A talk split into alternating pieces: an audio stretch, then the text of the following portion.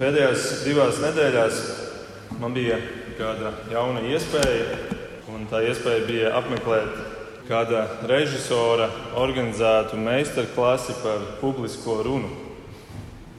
Par publisko runu. Un mēs tur kopā bijām ap desmit dalībnieku. Tur bija cilvēki no dažādām nozarēm, ļoti dažādām. Un tas rezultāts tam meistarklasē bija, ka tev ir jāizveido piecu minūšu gara runa. Un tad mēs tur pulcējāmies tādā telpā ar zamša sienām, pelēcīgām un zaļa zamša aizskari. Visi tā grupiņa sēdējām, un tas režisors tāds jauns puisis ar nu, apmēram manā vecumā, tas ir, ja man skaita kā jaunu. Un tad viņš mums katram deva, deva iespēju runāt pāris minūtes, un tad viņš deva mums atsauksmi par to, kā, kā mums bija gājis. Un, un katram bija jāizvēlās savu tēmu. Un viņš teica, bet tev ir jāņem tēma, kurai tu pa īstam tici. Tēma, kas tev šķiet svarīga un kurai tu tici, lai tu varētu runāt ar pārliecību. Un tad tur kāda sieviete paņēma tēmu par juridiskiem jautājumiem, cita par bērnu lieko svaru. Vēl kāds izvēlējās tēmu bērnu atkarība no ekrāna ierīcēm. Tad es izvēlējos savu tēmu. Tā kā es ikdienā strādāju dizainu, un esmu arī draudzē, sludinātājs, tad es paņēmu tēmu, kā cilvēka ķermeņa simetrija apliecina dieva eksistenci. Un bija ļoti izaicinoši un bija vērtīgs laiks mums kopā.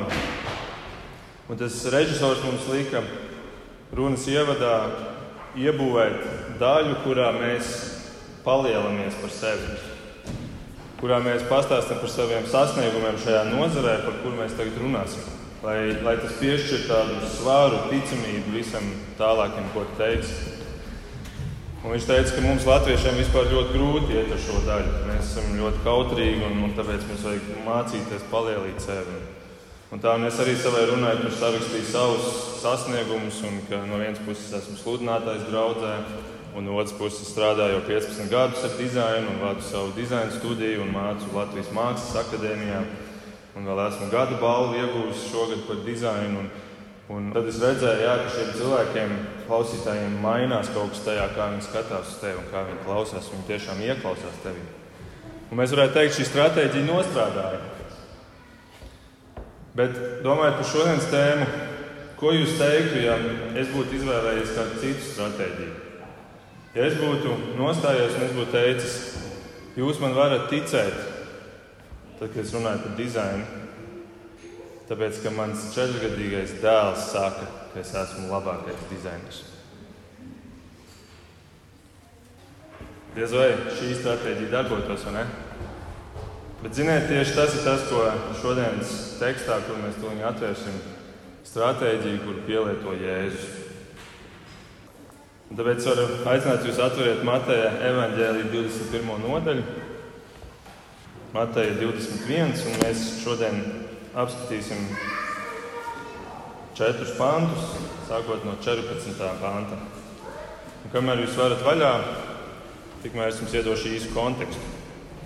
Tātad šodienas notikums ir jau tas brīdis, kur Jēzus ir iegājis savā finālajā fāzē, tā teikt. Jēzus ir tikko ienācis Jeruzalemē, ir Palmu svētdiena. Visi pūlis viņu sagaida, un jūs zināt, sauc Ozijāna Dāvida dēlam. Tur visa, visa Jeruzaleme ir gandrīz vai sanākusi, un visi šis pūlis dodas līdzi Jēzum, un viņi un visi tur sauc Ozijāna Dāvida dēlam, un tad mēs lasām Lūkas evaņģēlijā, kad teica, ka daži farizēji no pūļa viņam sacīja, skolotāji apsauc savus mācekļus. Kā viņi var atļauties kaut ko tādu teikt par tevi? Bet Jēzus atbildēja, Es jums saku, ja viņi klusēs, tad akmeņi brēks. Tad ir visa šī, visa šī burzma un, un notiek šī slavēšana, Jēzus slavēšana. Un, un tā viņi visi nonāk pie tempļa, un Jēzus ieiet templī, un viņš ierauga, ka templis ir piesārņots. Tur ir tirgotāji, tur ir galdi ar naudas mainīšanu, visādi veidi tirzniecība tur notiek. Un viņš iztīra šo templi, viņš to dara jau otro reizi. Viņš to jau bija darījis. Viņš otro reizi izdzen ārā visus tirgotājus, viņš pat apgāž galdus un nogāž solus. Tur notiek, tur notiek liels brīnums. Es pat teiktu, ka šis ir viens no Jēzus brīnumiem, kur mēs parasti nepieskaitām pie brīnumiem. Bet tik tiešām Jēzus ienāk šajā jūda visvētākajā vietā un, un sagāž mēbeles. Un, un tad pienāk tas brīdis, pie kura mēs šodien būsim. Un tas brīdis ir patiešām apbrīnojams, tāds brīnum brīdis, es teiktu. Brīdis, kurā es arī labprāt būtu bijis klāt liecinieks un redzējis to savām acīm. Jo ir tas brīdis, kad templis ir iztukšots, visi ir bailēs, izskrējuši ārā. Visi tirgotāji ir aizmukuši, visi ir pārbijušies. Pat paralēlajā tekstā teikts, ka pat augstie priesteri bija nobijušies. Un, ja viņi bija nobijušies, cik daudz vairāk pārējie. Un, un Jēzus tur stāv šajā tempļa pagalmā. Apkārt iespējams lidot tur spalvas pa gaisu, un zeme ir nomētāta ar, ar monētām. Tur guļ mēbeles uz zemes, un kastes sagāstas, un, un gaisā virmuļo tāda putekļu migla, iespējams, no visas tā trača. Templis ir attīrīts, un nu ir iespēja ienākt patiesajiem dievlūdzējiem. Kur tie varētu būt? Kur ir tie, kuriem, kuriem ir vieta templī, kur vajadzētu nākt iekšā šādiem cilvēkiem?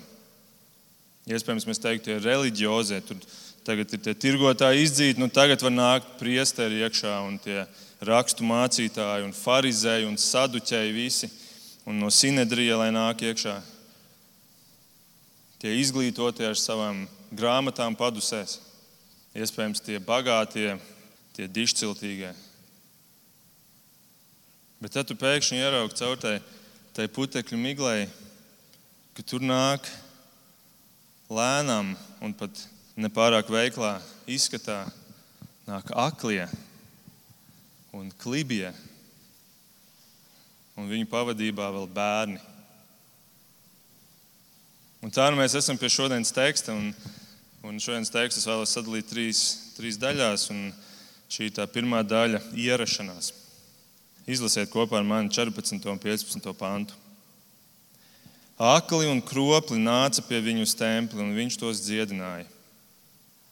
Kad virspriesteri un rakstu mācītāji redzēja tos brīnumus, ko viņš darīja, un dzirdēja bērnu templī saucam Ozjana Dāvida dēlam, tie apskaitās. Tātad mēs redzam, nāk akli un nāk kropli un, un nāk bērni, un mēs varam teikt, cik negaidīta publika. Bet, ziniet, tas ir īsi ieskats tajā, kāda izskatīsies draudzene. Jēzus paver mazliet vaļā priekškaru, aizkaru un parāda, kāda izskatīsies draudzene. Mēs varam teikt, wow, Jēzu, tu, tu mums ļauj ieskatīties nākotnē. Tagad no šodienas mēs skatāmies pagātni, bet viņiem tā bija, tā bija kā maza ilustrācija tam, kas sekos.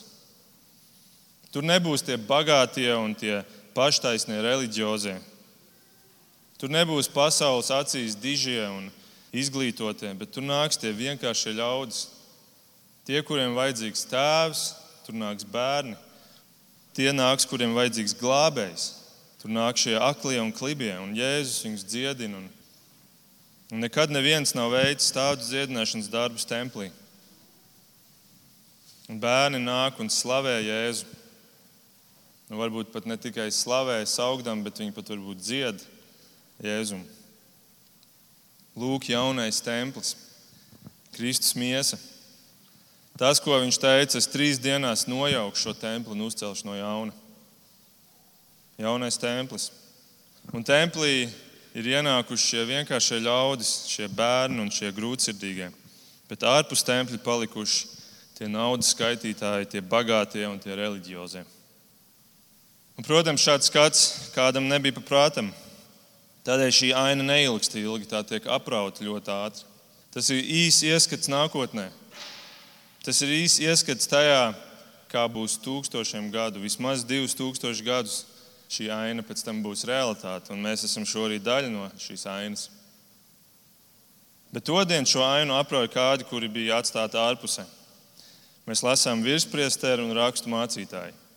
Virspriesteri nozīmēja, ka tie nav vienkārši priesteri, bet tie ir vadītāji no katras no 24 priesteru kārtām.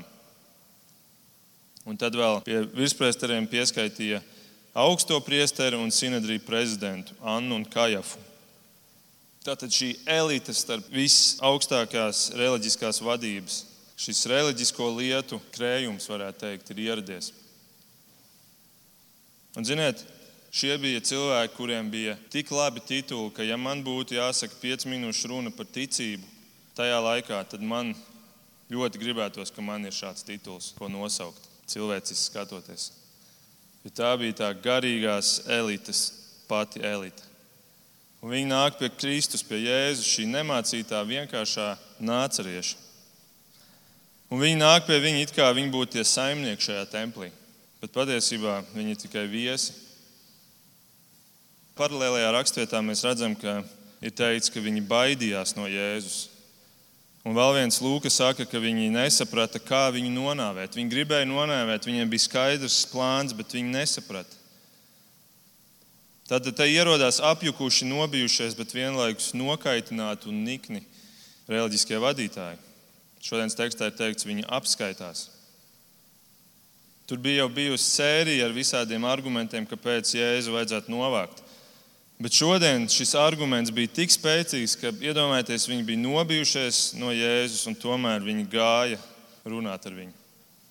Iedomājieties, tu, tu kaut kur varbūt uz ielas sastopi kādu, kurš tur ir agresīvs un tu esi nobijies no viņa, bet, bet tev ir tik liels arguments, pietiekami spēcīgs iemesls, lai tomēr ietu viņam klāt, kaut arī tu esi nobijies.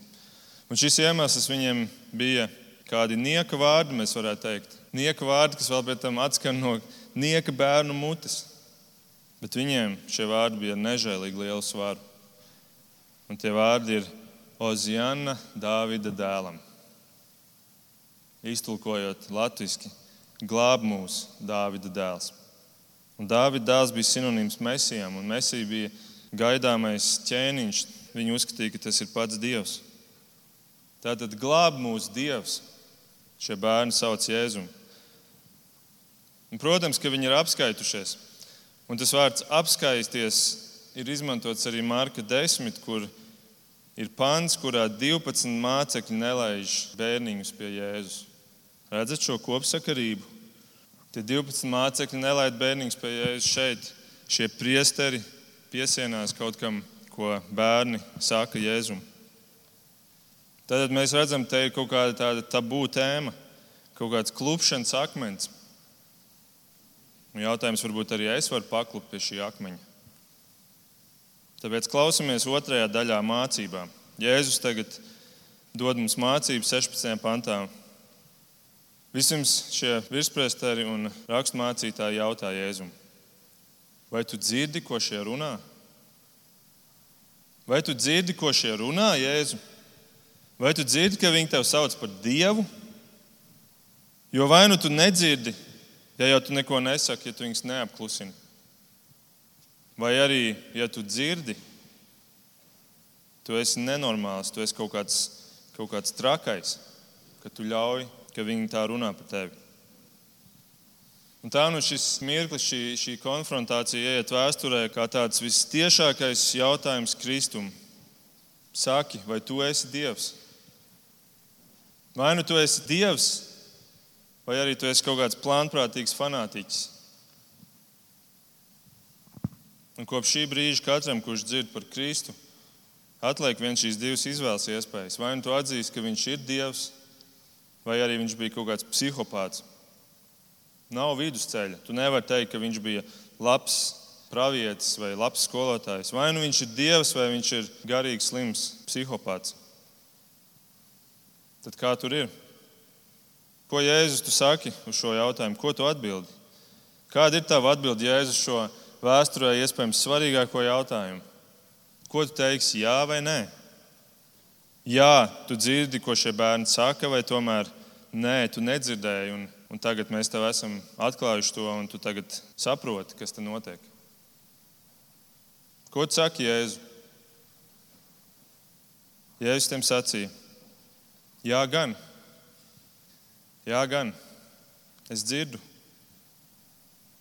Un iespējams šajā brīdī daudz kur pasaulē nodimdēja pērkons Pavisam noteikti šo virspresteru sirdīs nodimdēja pērkons, ka Kristus atzīst, ka viņš dzird un viņš to pieņem. Un viņi iespējams droši vien būtu metušies viņam virsū ar nākamo jautājumu. Kā tu vari tā teikt? Kas tu tāds esi, ka tu tā drīkst teikt? Ja vien Jēzus neturpinātu pats ar savu atbildi. Viņš turpina, viņš saka, jā, gan. Vai tad jūs nekad neesat lasījuši? Tu esi gādājis, ka no bērniņu un zīdaiņu mutes tev atskan slava. Un šī atbilde iemet vēl vairāk ogles tajā jau pārkarsušajā krāsnī, šajā virspriesteru smadzeņu krāsnī, kur jau tā kūp un kur jau, kur jau viss kratās. Un, un viņi ir, viņiem ir bail no Jēzus, bet viņi iet klāt, jo šādi nevar atstāt šo lietu. Visa tauta dzird, kas tur notiek, un mums ir jāiet un, un, un jākonfrontē Kristus. Un tad Jēzus saka viņiem, vai tad jūs neesat lasījuši? Tas jautājums jau neizklausās tik slikts nemaz, ne? diezgan nevainīgs. Līdz brīdim, kad tu saproti, kam viņš ir adresēts. Šiem priesteriem un šiem rakstu mācītājiem. Vai tad jūs neesat rakstu mācītāji? Kā tad jūs mācat, ja jūs paši neesat lasījuši? Kāds apkaunojums? Bet, ziniet, tā ir arī problēma mūsdienās, mums daudziem. Šī atšķirība starp, starp dzirdēt un pašam lasīt. Dzirdējuši par Jēzu visu kaut ko, vai paši lasījuši, meklējuši. Šie stereotipu klausītāji, uzklausītāji un šie Bībeles lasītāji. Šodien ir 1. septembris un ir jauns mācību gada sākums. Varbūt tas ir labs izaicinājums mums domāt par to, vai mēs esam Bībeles lasītāji Vai mēs esam lasītāji, nevis tikai klausītāji? Jo acīm redzot, pēc šīs jēzus atbildes mēs varam noprast, ka Jēzus sagaida lasīšanu. Vai tad jūs neesat lasījuši? Es domāju, daudz cilvēki tajā tiesas dienā nostāsies pie Kristus durvīm un klauvēs pie durvīm, un Kristus atvērs vaļā Un viņš uzdos šo jautājumu, vai tu neesi lasījis par mani? Tev bija iespēja mani iepazīt. Bībele. Dievs ir nodrošinājis, ka Bībele ir visvairāk tulkotā, visvairāk izdotā, visvairāk pārdotā grāmata pasaulē. Tev tā ir pieejama. Iepazīsti mani. Nevis nāc ar kaut kādu ilūziju par, par mani. Tad Jēzus viņiem saka, vai jūs neesat lasījuši, un viņš to saka bieži viņiem. Šī nav pirmā reize. Bet šodienas jautājumā ir pievienota vēl viena dinamīta stanziņa. Vēl kaut kas pielikts klāt, salīdzinot ar tām citām reizēm, kad viņš šo jautājumu uzdevis viņiem. Un tā dinamīta stanziņa ir vārds nekad. Vai tad jūs nekad neesat lasījuši? Būtu pieticis ar vienu reizi šo izlasīt, jo šis pravietojums par mani ir tik ļoti spilgts, tik ļoti acīm redzams, ka būtu pieticis ar vienu reizi. Bet jūs laikam nekad to neesat lasījuši. Šis pravietojums ir, ka tu esi gādājis, ka no bērniņa un zīdaiņa mutes tev atskan slava. Šis ir tik spilgts pravietojums par gaidāmo mesiju, ka pēc tā nu gan vajadzēja atpazīt. Jo kur ir redzēts, ka bērni ir tie, kuri ir apliecina ķēniņa titulu. Ja man savā piecu minūšu runā būtu bezjēdzīgi teikt, ka es esmu labākais dizainers, jo mans četrgadīgais dēls to ir teicis, kur nu vēl vairāk tas ir neparasti, ja to teiktu par kādu ķēniņu, par gaidāmo mesiju. Tas ir neparasti. Un tā nu šis pravietojums ir tik acīm redzams, ka būtu pieticis vienreiz izlasīt un noticēt, un tad gaidīt, ja templī nāks kāds, kuru bērni pat sauc par Dāvida dēlu, tad tas ir signāls mums vērtēt viņu kā iespējamo mesiju.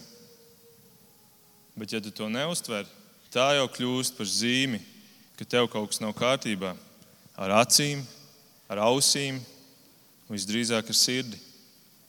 Ka tu, tu esi to tik ļoti apcietinājis, ka tev nepietiek pat šāda tik vienkārša zīme par Kristu. Un cik daudz cilvēku šodien to dara, apcietina savus sirdis pret zīmēm par Kristu.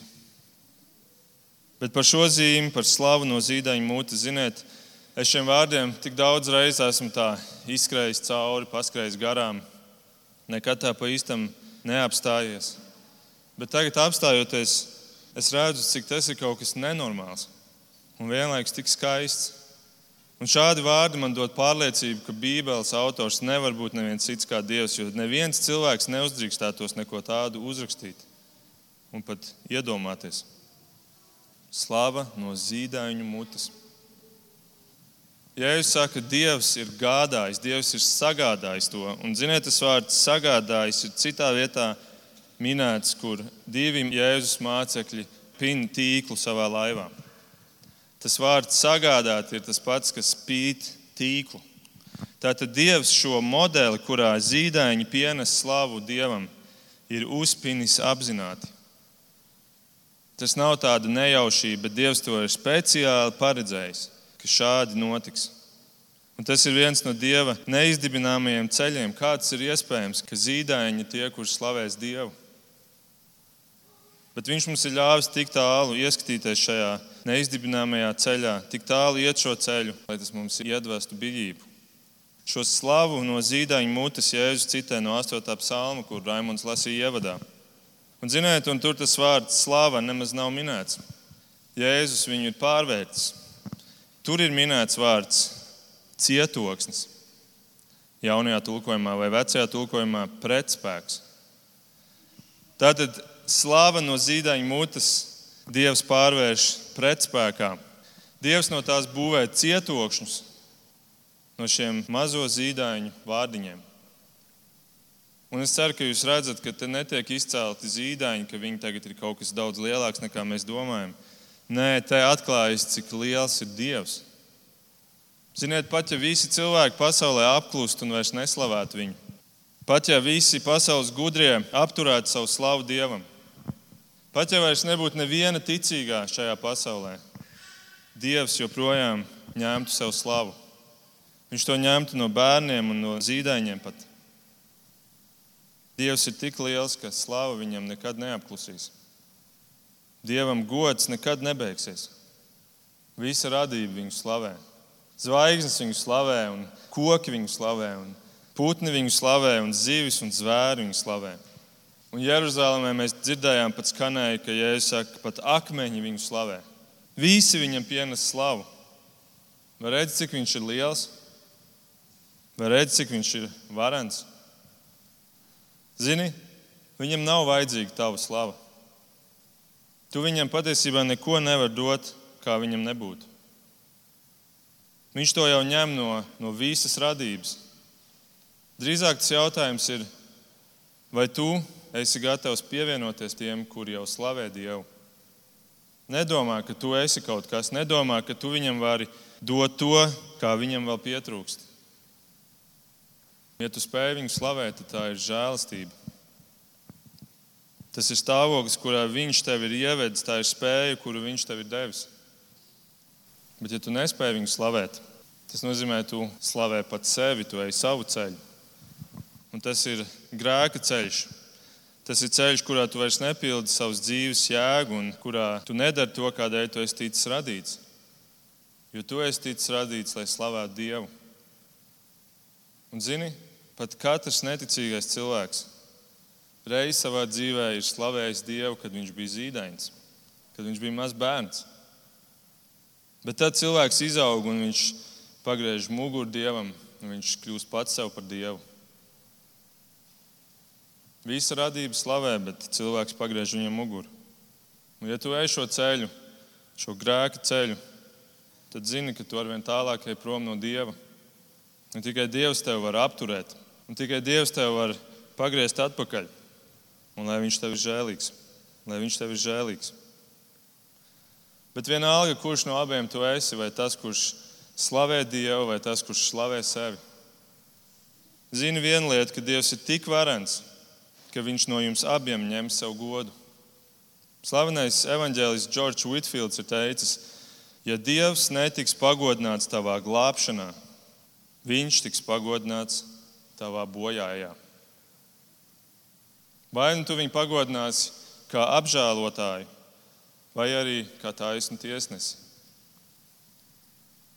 Vai nu žēlastība, vai taisnīgums. Tā ir tava izvēle. Un tomēr, ko nozīmē vārds izvēle?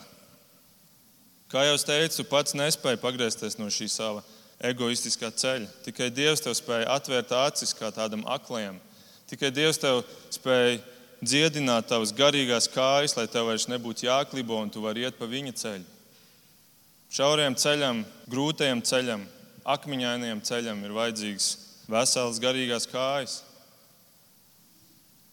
Un tikai tad, ja viņš tevi dziedina, tu varēsi iet atpakaļ. Un tā viss, ko tu vari darīt, ir lūgt viņam, mēsties ceļos un lūgt, lai viņš tevi griež atpakaļ. Jo kas cilvēkam nav iespējams, dievam ir iespējams. Slāva no zīdaiņa mutes. Cik skaista šī simetrija mēs varam teikt. Jo atcerieties, Betlēmē pie šīs zīdaiņa Jēzus nāca ķēniņš un slavēja viņu. Bet tagad pie šī ķēniņa Jēzus nāk bērni un zīdaiņi un pienes viņam slavu. Un, kad Jēzus šo bija pateicis, tad mēs esam pie trešā pēdējā punkta, pie aiziešanas. Tad Jēzus tos atstāja, 17. pāns. Tad Jēzus tos atstāja. Viņš izgāja ārā no pilsētas uz Betāniju un palika tur pa nakti. Jēzus vienkārši aiziet. Viņi nemēģina viņu apturēt, jo gan jau viņi baidās no pūļa.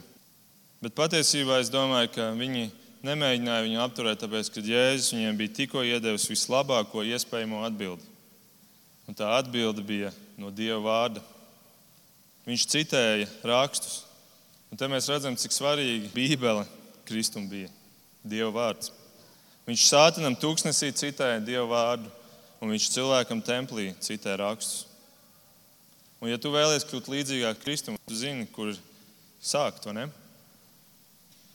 Un tā nu šie virspriesteri un rakstu mācītāji, viņi tur stāv un viņiem vairs nav ko teikt. Un arī Kristum vairs nav ko teikt. Jo viss ir pateikts jau. Cik reižu jau? Ar kuru reizi būs gana? Un tā ir šis skaistais brīdis, kur mēs redzam, ka Kristus aiziet no šīm neticīgajiem. Un viņš aiziet uz kurieni? Viņš aiziet uz Betāniju pie savējiem. Cik skaists noslēgums. Jēzus aiziet pie savējiem. Un mēs esam savējie. Mēs esam šie savējie šodien. Mēs esam šī Betānija šodien. Mēs esam draugi, un Kristus ir šeit arī šodien. Un, ziniet, mēs vēlāk nāksim pie vakarēdiena, un viņš būs ar mums. Draudz pieder Kristum, arī mūsu vīlens draudz. Un, un tāpēc tas ir labs un svarīgs atgādinājums šodien, 1. septembrī, kad mēs sākam šo jauno sezonu arī mums kā draudzēji. Atcerēties to, ka mēs piedaram Kristum. Un tādēļ mēs meklējam viņa gribu, un mēs mācāmies viņa pavēles, un mēs klausāmies viņa vārdā. Un tāpēc arī mēs sludinām tā, kā mēs to darām, Dieva vārdu. Jūs droši vien esat ievērojuši, ka mēs neesam gluži no tiem, kuri dod praktiskus padomus pa kreisi, pa labi. Dari šo un dari to, un tagad tu izēj no baznīcas ārā, tad tev ir skaidrs sarakstīns ar lietām, kas tev ir jādara. Mēs to darām apzināti, tāpēc ka mēs ticam, ka Bībele nemāca, ko darīt. Bībele nemāca, ko darīt bet Bībele māca kādam kļūt. Kādam kļūt, un tādēļ tā vietā, lai mācītu, dari šo un dari to, mēs vēlamies mērcēties Kristus vārdos un Kristus stāstos un Kristus darbos. Mērcēties tik ilgi, kamēr mēs esam piesūkušies. Un tad mēs kļūstam par, par kaut ko citu. Un ja šī, pie, ja, ja šī piesūkšanās ar Kristu notiek tam cilvēkam, kurš ir pa īstam ticīgs, kurš ir atgriezts, Kristus pagriezts atpakaļ pa savu ceļu. Tad šī mērķēšanās dos tev mieru, šis apvalks, kuru, kuru tu iegūsti. Un tas tev dos mieru un palīdzēs pieņemt pareizos lēmumus ikdienā. Tas būs tas, kas tev dos to, to izpratni, ko darīt pēc tam, kad tu esi kļuvis par kaut ko jaunu. Bet tiem cilvēkiem, kuri patiesībā nemaz netic Kristum, Bībeles Kristum, bet nāk uz baznīcu visādu citu iemeslu dēļ, tiem šī mērcēšanās kļūs arvien nērtāka. Jo šim vecajam cilvēkam negribās Kristus mēteli vilkt virsū. Šim vecajam cilvēkam, kurš varbūt ir draudzē un kurš šajā Kristus templī ir iekārtojis savus naudas mainīšanas galdus, viņš tiks vests priekšā izvēlē, vai nu tu aizej no šejienes, vai arī tu izmainies. Un es vēlos, ka mēs šajā arī jaunajā sezonā, varbūt domājot par to, kā mēs arī mācāmies un augam, augam atziņā par Kristu, ka, ka tas mērķis būtu, ka mēs, ka mēs augam apbrīnā par Dieva žēlastību. Kā mēs dziedam to dziesmu, ko arī Raimons bija uzlicis pagājušajā reizē. Brīnišķīgā žēlastība, amazing grace. Ka tā nav tikai žēlastība, bet tā ir brīnišķīgā žēlastība. Ka mēs to apbrīnojam. Un mēs to varēsim apbrīnot tikai tad, kad mēs vairāk sapratīsim, kāds ir Dievs un ka Dievs augs ar vien lielāks mūsu acīs. Un mēs paliksim ar vien mazāki. Tad šī žēlastība kļūs apbrīnojama, brīnišķīga. Un tas ir tas ceļš, kur es ticu, Kristus ir paredzējis savai draudzē. Ka viņš būs tik liels mums, ka ka viņš neietilps mūsu baznīcā svētdienās tikai, bet ka viņš nāks mums līdzi arī pārējās dienās, sešās dienās nedēļā, visur, kur mēs būsim. Kad es biju pietuvojies beigām savai 5 minūšu noslēguma runai, tad auditorijā bija klusums un cilvēki lūkojās manī. Kamēr es stāvēju viņu priekšā ar izstieptām rokām, un teicu, ka šis cilvēks un Dievs ir Kristus Jēzus, pats autors simetrijai. Un tad es paņēmu, piegāju pie savu koferīšu melnā, kurš man stāvēja visu runas laikā priekšā, un es izņēmu no viņa jaunās derības zilos vākos. Un es katram no viņiem pasniedzu to. Un, un iepriekš, pirms tam es biju domājis, nu kā būs šādā sekulārā vidē dalīt Bībeles vai Ko viņi teiks, varbūt kādi pat, pat negribēs pieņemt, jo viņiem ir skaidra sava izpratne un nostāja pret Dievu. Bet visi paņēma un visi pateica paldies. Un, un pat vadītājs teica, cik vērtīga dāvana. Un pēc tam e-pastā vēl viena, viena sieviete atrakstīja paldies vadītājiem un paldies Markum par grāmatu. Un, ziniet, man radās sajūta, ka Daudziem no viņiem tā ir pirmā bībele, kas viņiem ir. Tā, tā ir vērtība. Man radās sajūta, ka, ka viņi to novērtē, jo viņi ir uzauguši iespējams mājās, kurās viņiem nekad nav bijusi bībele. Mums liekas, tas varbūt pašsaprotami, ka mums te bībeles mētājās apkārt gandrīz vai baznīcā un mājās plaukt pilni. Bet arvien vairāk cilvēku mūsu sabiedrībā uzaug bez šī dieva vārda. Un tāpēc arī šeit svētdienā es no šīs, no šīs meistarklases es vēlreiz sapratu, cik svarīgi ir mācīt Bībeli. Jo tā ir vienīgā cerība pasaulē un vienīgā cerība cilvēkam, lai viņi pagrieztu atpakaļ un lai viņš kādreiz kopā ar zīdaiņiem varētu slavēt Kristu. Lūksim Dievu! Paldies, Tev, varenais, lielais Dievs! Paldies, Kungs, ka Tu esi tik varans. Tu esi radījis šeit visu, un, un viss tevi slavē un tevi pagodina. Visa radība, kur tu esi radījis, un viņa pilda to, kam viņa ir radīta. Un tikai cilvēku un eņģeļi ir tie, kurš stājās tev pretī. Paldies, Kungs, ka tu, ka tu tomēr esi apžēlojis mūs, un ka tu esi vēdis un griezis mūs atpakaļ, un ka mēs drīkstam tevi slavēt. Tā ir žēlastība vien, ka mēs drīkstam tevi slavēt, kungs. Un es lūdzu, kungs, ka mūsu draugi un arī mēs katrs varētu atkal apņemties arī no, no šī jaunā mēneša, no šī jaunā mācību gada, ka mēs gribētu cilvēkus vest pie tevis. Ka tas ir pats lielākais dārgums mūsu dzīvē. Jā, kungs, paldies, kungs, ka tu pat mazus bērnus un zīdaiņus esi radījis, lai viņi slavētu tevi. Lūdzu, dod, ka arī mēs, lielie, pieaugušie, gudrie, paštaisnie, tiktu pagriezt, lai mēs varētu tev pienest godu un slavu. To mēs lūdzam Jēzus vārdā. Amen.